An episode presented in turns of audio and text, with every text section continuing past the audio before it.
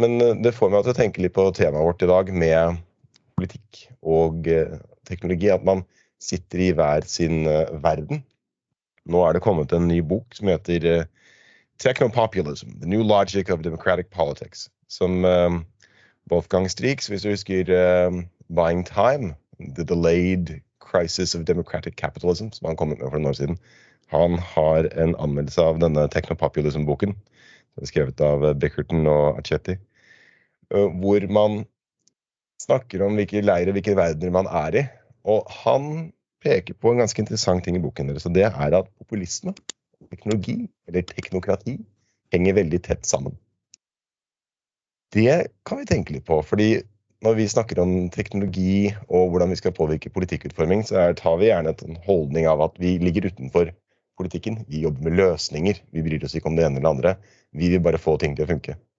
Og det er egentlig et veldig populistisk ståsted. Uten at vi er klar over det.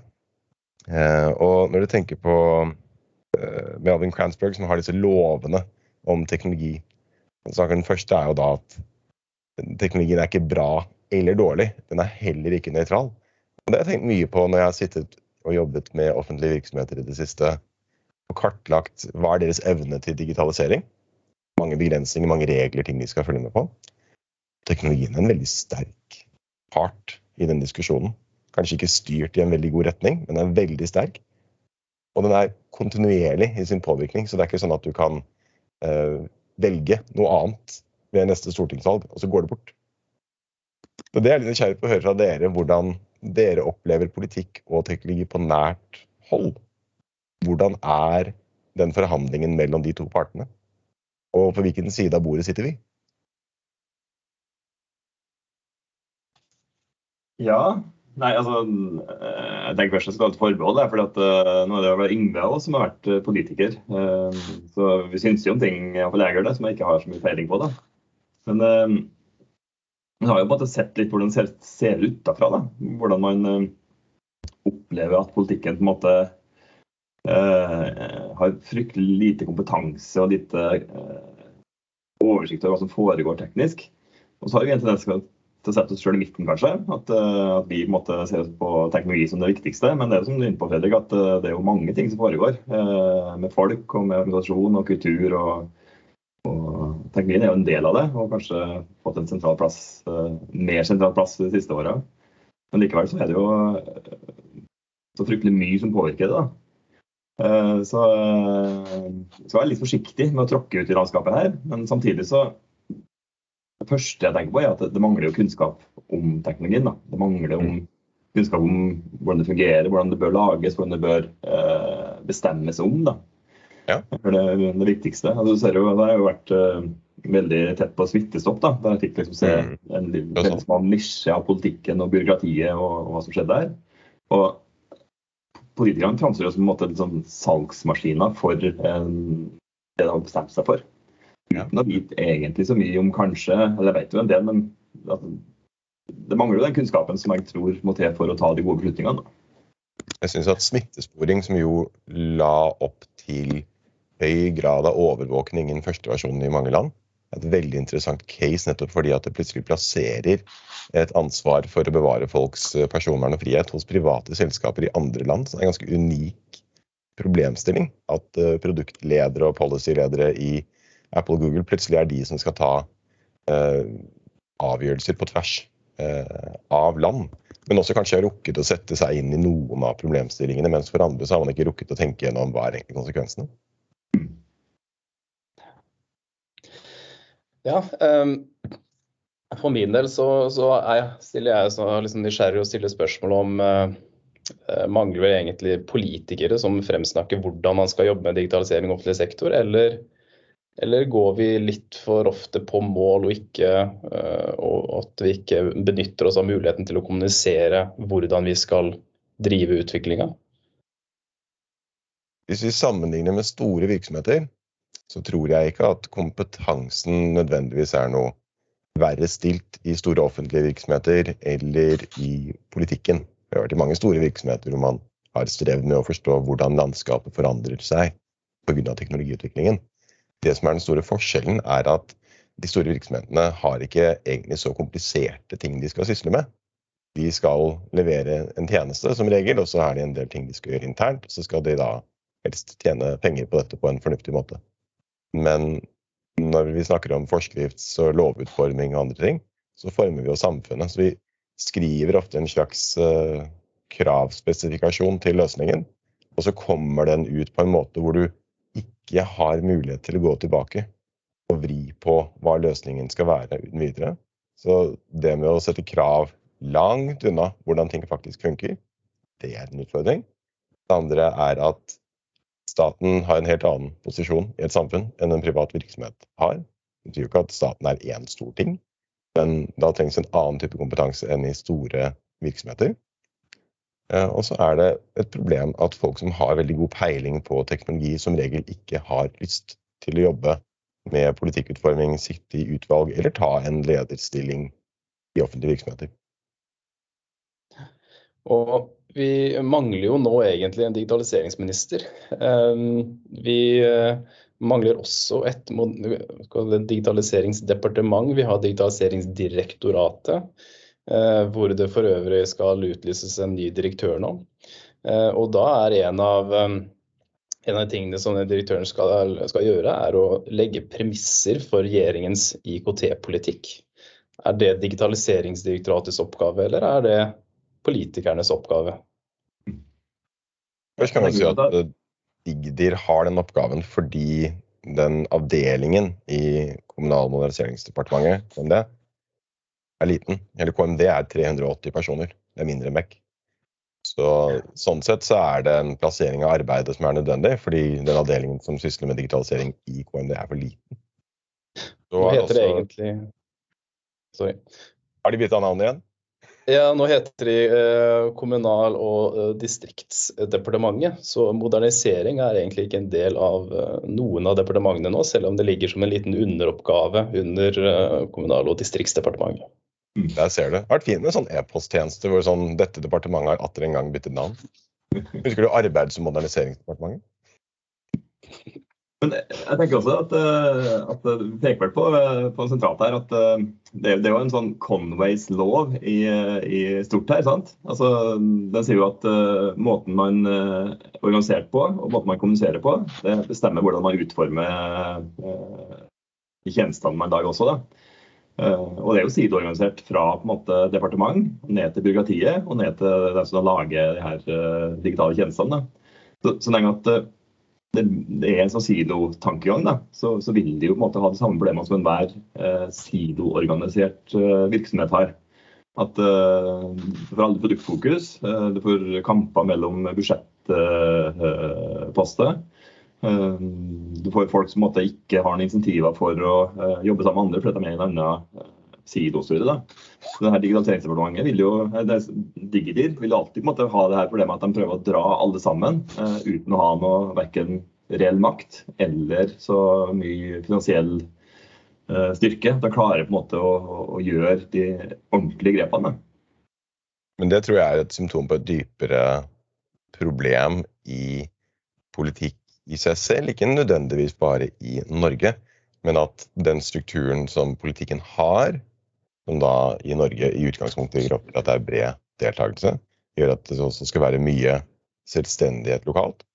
Men settes også i et skvis med mange direktiver som kommer fra EU, mange retningslinjer, mange systemer som virksomhetene faktisk kan bruke. Så noen ganger som en som jobber med teknologi, så lengter jeg etter en veldig tydelig produktledelse fra oven, noen som virkelig skjønner det. Eh, og som kan jobbe langsiktig med å omforme hele statsapparatet for det. Eh, de folkene finnes jo, men de er sjeldne. Og ofte så trekker man frem hva som har skjedd i Storbritannia. Og at det er en veldig fin løsning, synes mange av oss. Fordi den er ryddig, den er lett å se, det er én stor ting.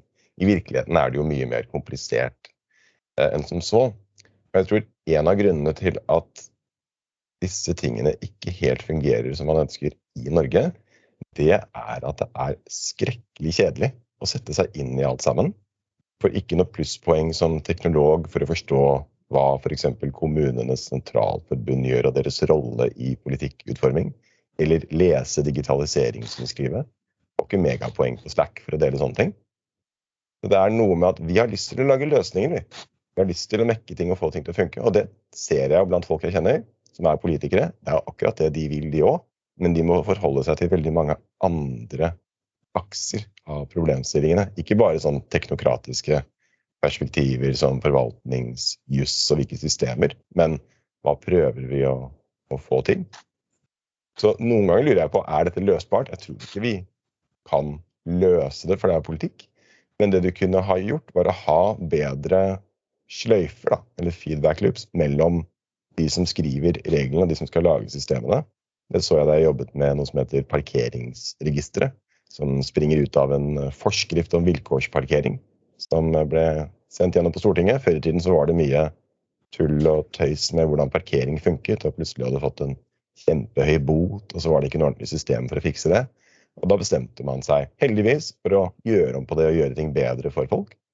Problemet var at når vi skulle sitte og lage denne faktiske løsningen, så var det veldig vanskelig å forstå i forskriften hva er det egentlig vi skal lage. Fordi forskriften var skrevet på en måte hvor ting pekte frem og tilbake på hverandre. Så hvis vi skulle gjort én ting, mener jeg, så hadde det vært å forbedre hvordan vi skriver disse reglene, anbefalingene, krav om ting som påvirker digitaliseringen, sånn at team som skal jobbe med det, faktisk skjønner hva som står i det.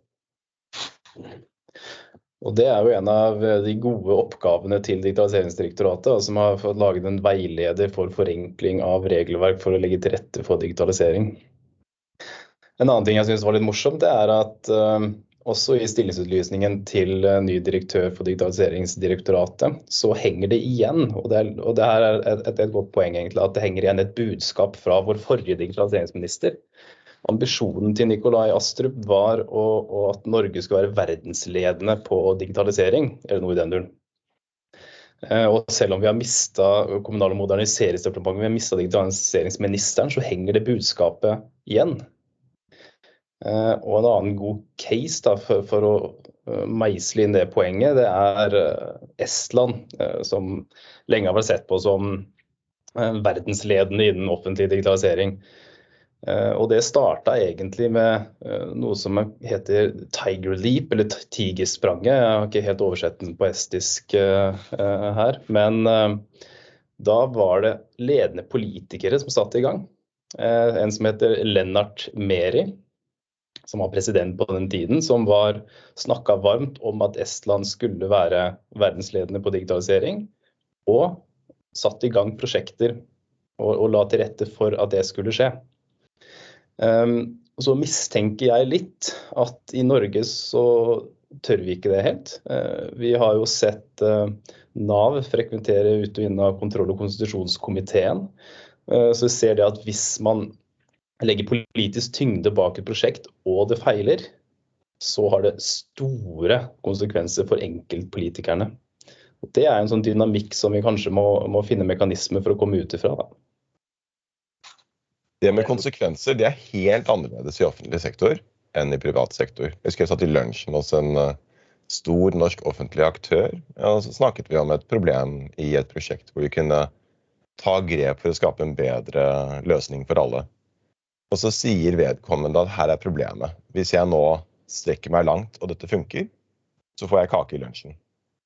Og hvis det går galt, så er det på huet ut. Så det er noe med at man sitter igjen med ansvaret på en annen måte enn man gjerne gjør i en privat virksomhet, fordi i en privat virksomhet så kan du egentlig nokså lett finne deg en ny jobb hvis dette var et vanskelig prosjekt. Alle er enige med at det var ikke din feil, men nå er det på tide å endre på ting. Så Den biten tror jeg vi undervurderer. Jeg tror også vi som er teknologer og konsulenter, ikke kjenner hverdagen til folk som jobber med de systemene godt nok. Vi er jo tross alt inne når det er store endringer. Mens de jobber kanskje i mange år med, med, hverdag, og så endelig får de budsjett til det de ønsket seg. Så vi lever jo en sånn utvalgseffekt-hverdag hvor det alltid er endring. Ting er alltid forandring. Og problemet vårt på mange måter er at vi har vært ganske flinke. Det har ikke vært sånn at alt har vært galt. Det er veldig mye som går relativt greit.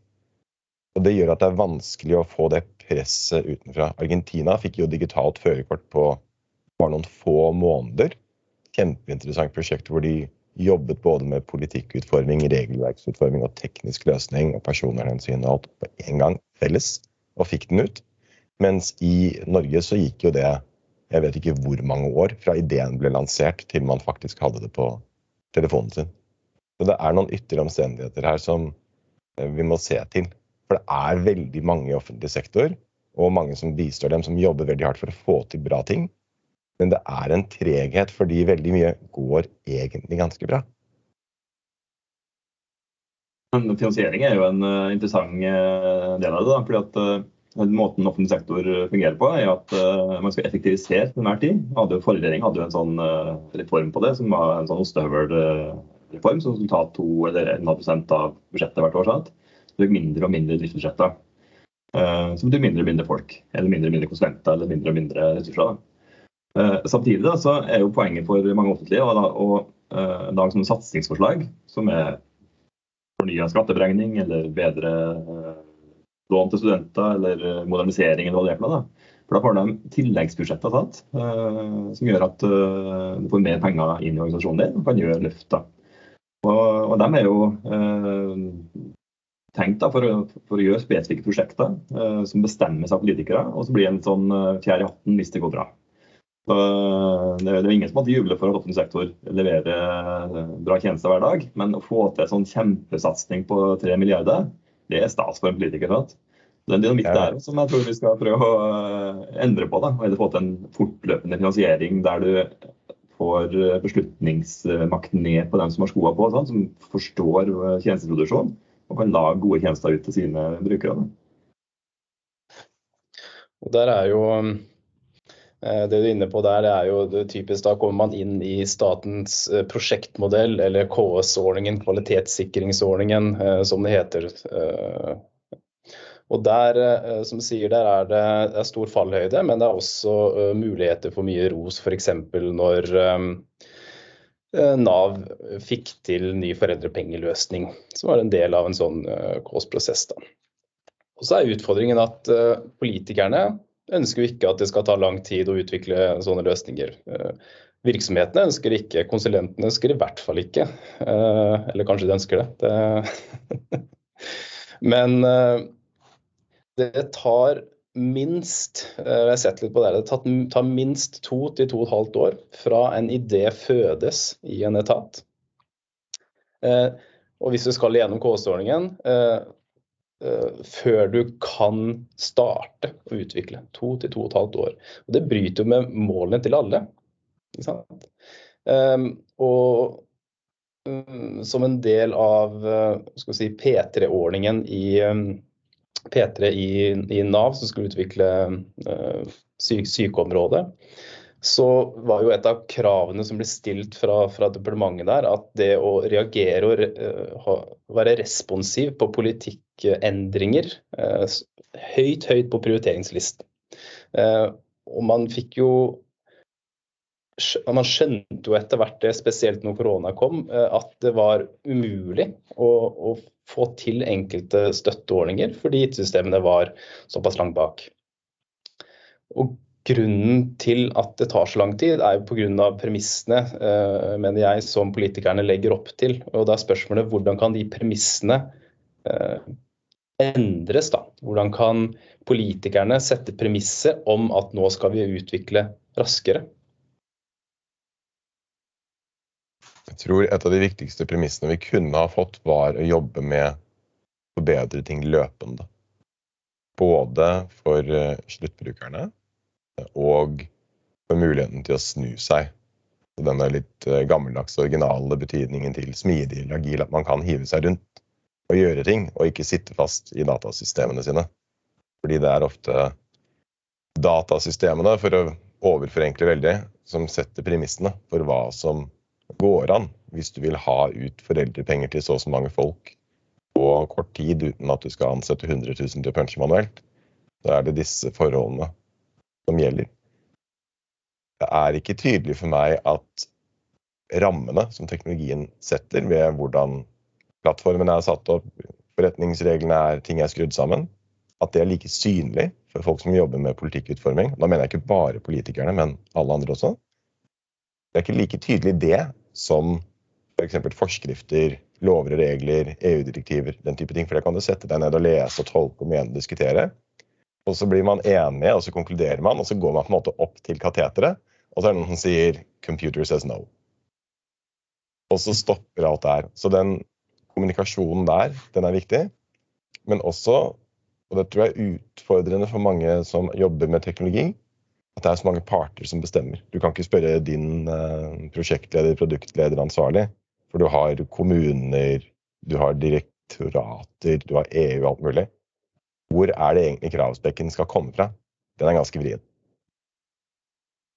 Jeg tenker Det må være fryktelig frustrerende for en politiker at uh, har mange dårlige sammenligninger med andre bransjer. F.eks. byggebransjen er jo typisk å sammenligne med. Men tross alt da, så er det mer forutsigbart å bygge en bro med liksom, den erfaringa man har, eh, og som er hard.